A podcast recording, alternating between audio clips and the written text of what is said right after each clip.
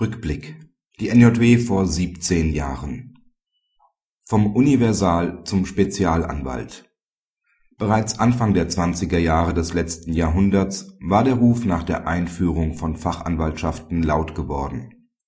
Da verwundert es schon, dass die Fachanwaltsverleihung erst Anfang der 90er Jahre eine gesetzliche Grundlage bekam.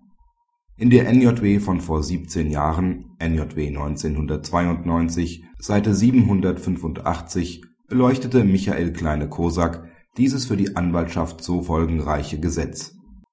Die Anwaltschaft müsse sich auf die veränderte Situation einstellen und von der in der Vergangenheit praktizierten Vogel-Strauß-Politik Abstand nehmen, wenn sie den Sprung in die moderne Dienstleistung schaffen wolle, so der anerkannte Berufsrechtler die Statistik der Fachanwaltszahlen zeigt, dass der Wechsel vom Universal - zum Spezialanwalt inzwischen gelungen ist. Zum 01.01.2008 gab es in 19 Fachanwaltschaften bereits 32.747 Fachanwälte, die 20. Fachanwaltschaft ist mit dem Fachanwalt für Agrarrecht bereits beschlossen.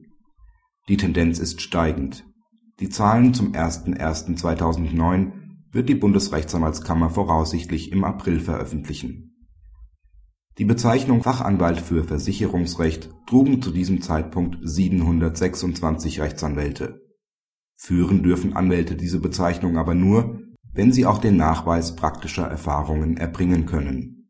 Dazu seien mindestens zehn absolvierte, spezifisch versicherungsrechtliche Gerichtsverfahren nötig, urteilte jetzt der Anwaltsgerichtshof Baden-Württemberg die Entscheidung finden Sie in diesem Heft abgedruckt ab Seite 858